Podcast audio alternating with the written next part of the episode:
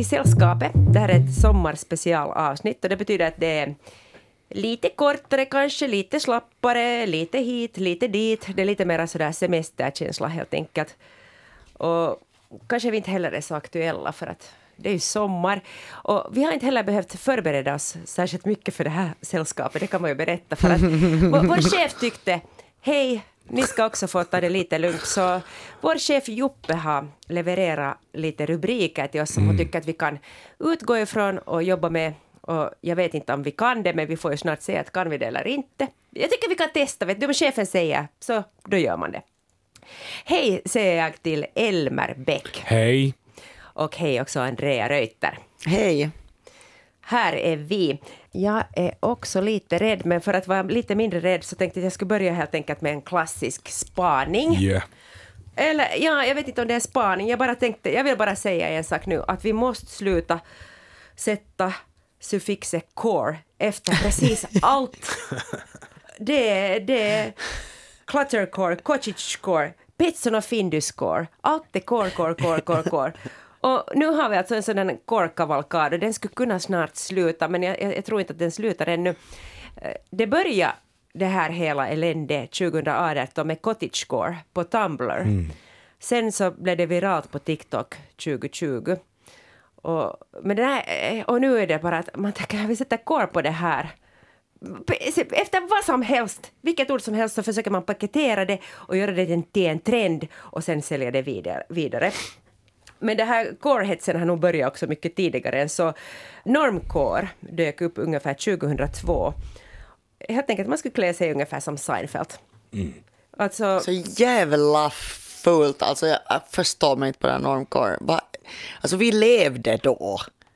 Vi, vi var tvungna att vara i det där, men nu behöver man inte mer. Det är ju jätte 90-talsmode på ungdomar nu och jag bara så här, ni borde ha förstått. Vi var där, vi var tvungna, men ni måste inte. Ja, det var inte bra då och det är inte bra nu heller. Eh, f- det mest klassiska core-ord core är ju hardcore. Och då får ju tankarna till det ena och det andra hållet. För min egen del så far det faktiskt mest till musik. Och eh, jag kommer att spela en liten låt här åt er faktiskt också. Hardcore musik, det betyder ju... Alltså, man hör redan att det här är bra. Alltså, att det, det, det är inte bara hårt, utan det är mycket hårt. Och eh, det mest hardcore inom hardcore är ju då grindcore. Och eh, det är en form av metall eller kanske lite punkmusik som är helt driven till sin spets. Eh, det här är en parentes, men jag måste bara få berätta det här. För det här favoritbandet Napalm Death, okej det är kanske inte mitt största favoritband, men det är ett fint band. De har, bara för att visa hur extremt det här är, så det är extremt på alla sätt. Det är snabbt, det är, man hör inte riktigt vad de sjunger, bla bla bla. Så de har världens kortaste låt. Vill ni lite gissa hur kort den är? Världens kortaste låt. Världens kortaste. Är den alltså officiellt världens kortaste låt? Eller är det liksom världens kortaste låt? Det är det offici- officiellt ish. Jag, Ja, okej, okej. okej. Ja, ja, Det är- världens kortaste. Sju sekunder? Bra, bra. Vad säger Andrea? Nå, det beror på hur man definierar låt för mig. Just någon så här reklamslinga i- på någon YouTube-reklam kan ju vara just sådär fem se- sekunder. Då säger jag fyra sekunder. Bra. Eh, vi ska höra på den här låten. Den heter You Suffer av Napalm Death, eller Napalm Death som vi här i Finland säger. Så här låter den. Nu kan ni ju ha att ni inte har fullt på volymen. Okej. Nej, jag tror jag aktar mig. Jag, jag kan ju också berätta hur länge ni måste stå ut. Den är 1,316 sekunder lång.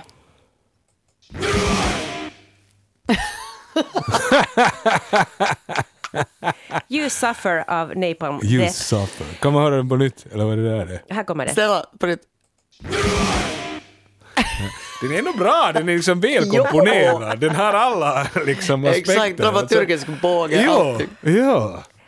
Men, men sen finns det också faktiskt sådana grindcore-band som jag gillar mycket, till exempel Pig Destroyer, Anal Cunt och Carcass. Jag vet, Carcass är kanske lite på gränsen, är det grindcore eller inte. No, men det här är ju inte den trendigaste musiken en människa kan lyssna på. Och på tal om det, Andrea och Elmer, när har ni senast gjort något trendigt? Åh gud, alltså jag uh, antar att det på riktigt är trendigt att stick, sticka nu. Det, är liksom, det verkar som att alla stickar. Och det gör jag ju då liksom konstant. Det har jag gjort sen med en dåre nu liksom under liksom, ja, under vintern.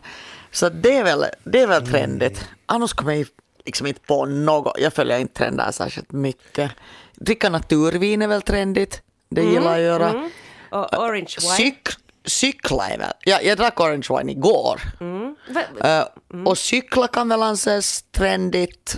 Det är ju trendigt att vara miljövänlig, Mm. väl? Jag har också, alltså jag har, jag har nog dålig koll på trender, så jag tror att om, om jag har varit trendig så är det lite av misstag. Jag har nog svårt att liksom att säga. Jag har liksom ärligt sagt inte koll på om jag har varit trendig egentligen någonsin. Om jag har varit så är det lite av misstag. Jag måste säga att jag, jag vill jättegärna veta allt som är trendigt. Jag vill jättegärna veta exakt allt. Vad, vad, vad händer nu? Vad händer nu? Och, och sen så följer jag aldrig de här trenderna. Och jag är så ängslig att jag faktiskt inte vill följa. Jag tycker att det är ett viktigt statement och det är ju inte viktigt för någon och inte ens för mig själv att inte följa de här trenderna. Men sen så gör jag det ändå alltid ett halvt år senare än alla andra när de här till exempel trendgrejerna finns i realådan. Så plötsligt så, så går jag klädd. Alltså jag nog använder alla trender men alltid jättemycket senare än alla andra. Men alltså det är ganska intressant. Alltså, Andrea, du säger att, att du skäms inte att du gör vissa saker som är liksom i ropet. Elmer... Nej, alltså det här det är trendigt att sticka.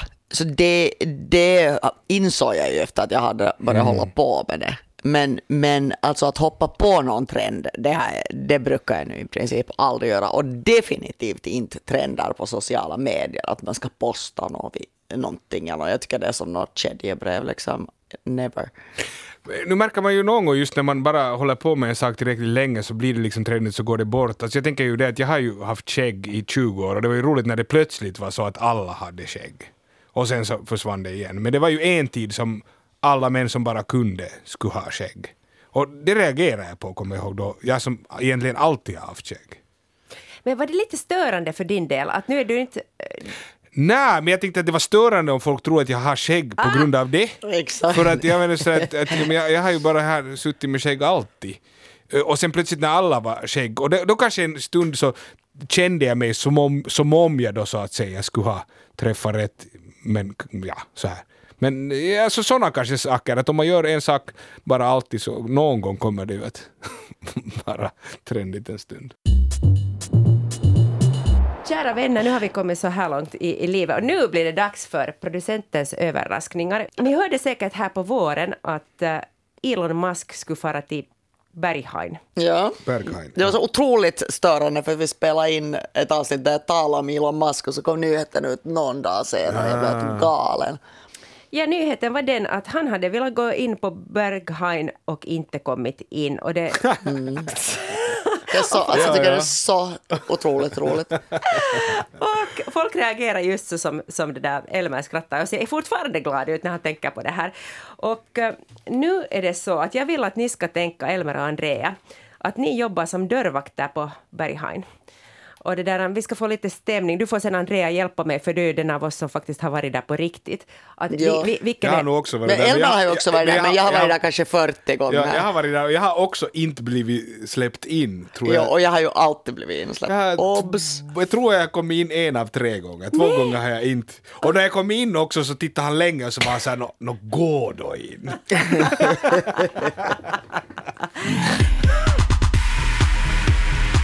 Men hur som helst, eh, jag har ju inte varit där så jag f- satt med min synt igår kväll och försökte få lite filis.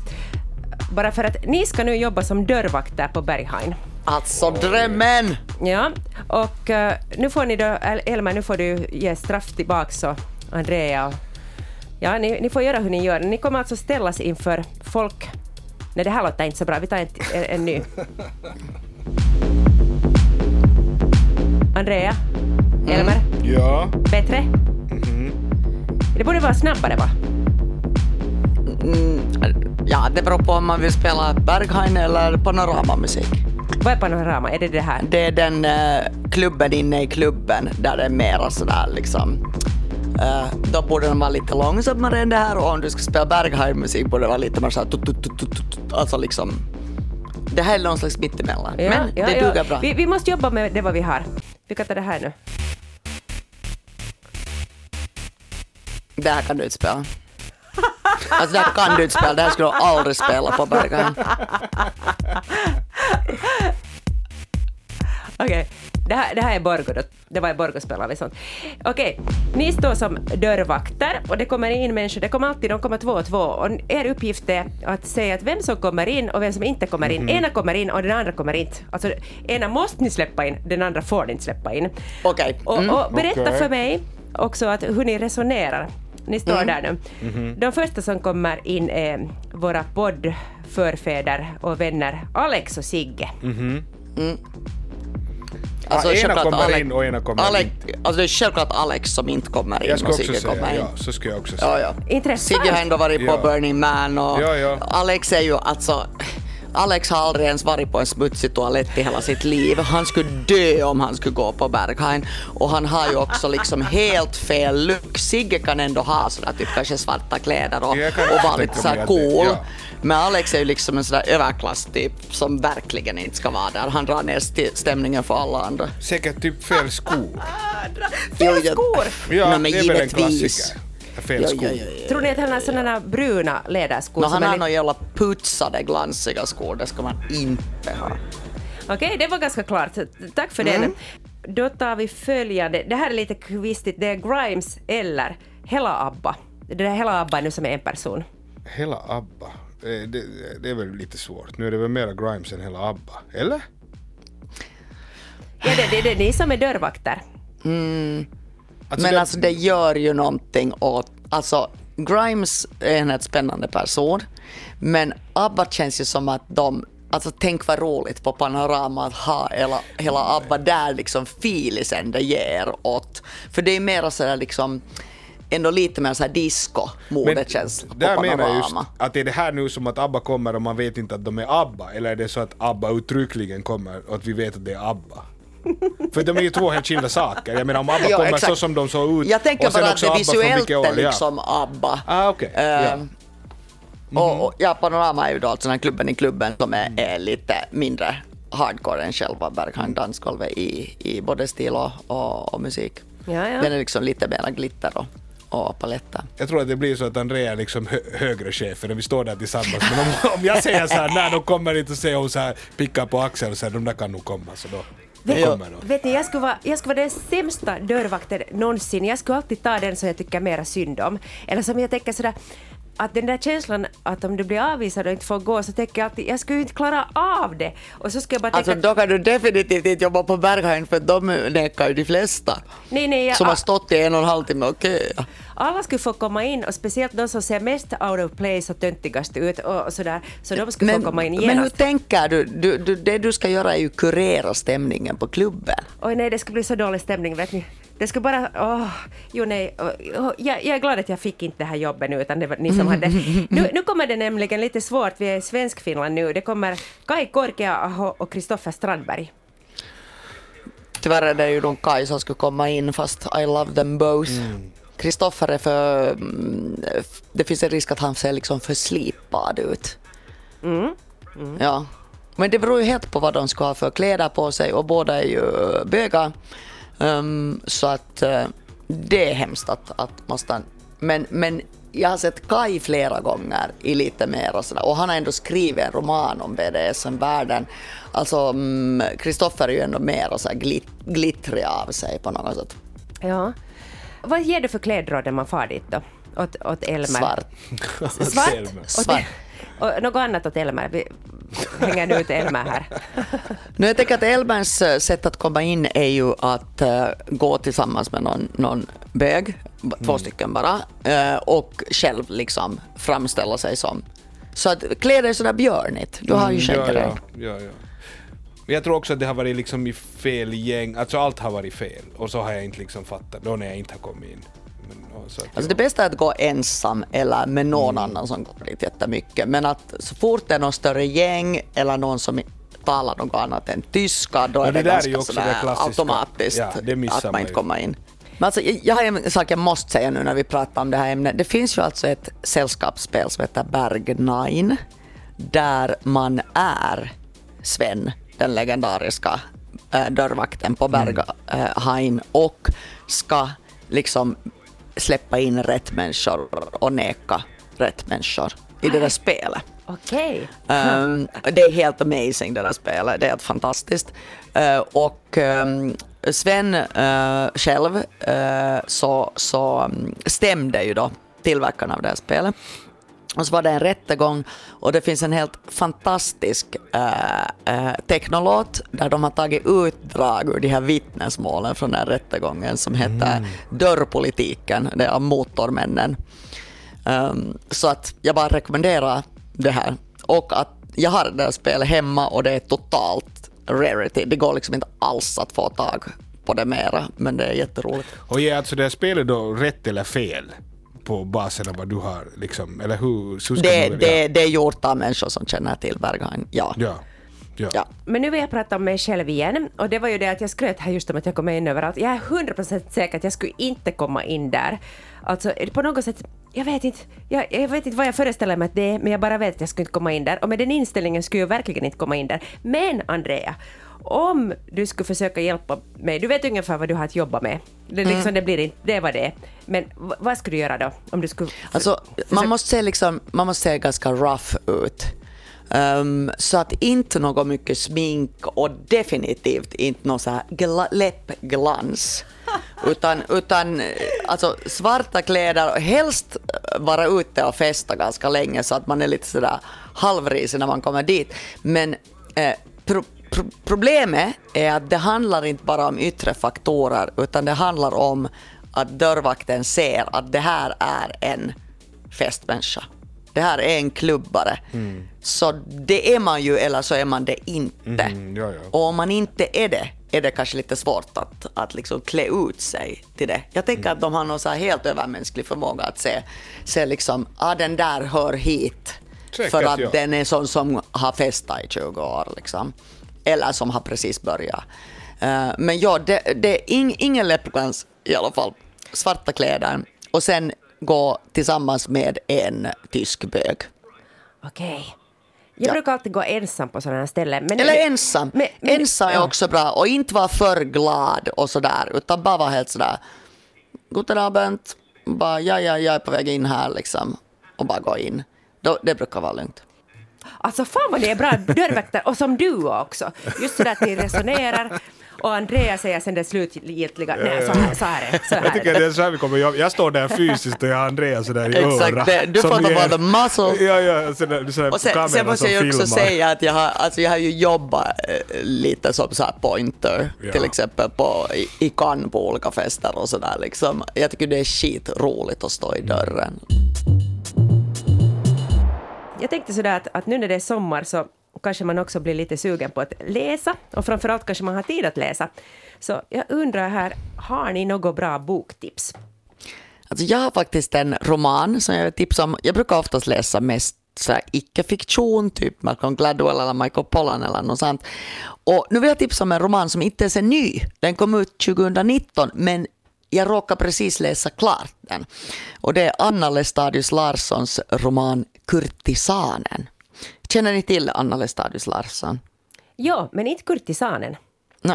Det är liksom så här perfekt sommarlektyr. Hon har skrivit en trilogi uh, som är fristående och det här är egentligen som en fjärde då, liksom, till den här serien. Den serien hette Barnbruden, Pottungen och Revhonan. Och alla hennes romaner utspelar sig i slutet av 1700-talet i Stockholm. Och det är sådär härligt smutsigt och intriger och, och några olika personer som har funnits på riktigt, till exempel från hovet.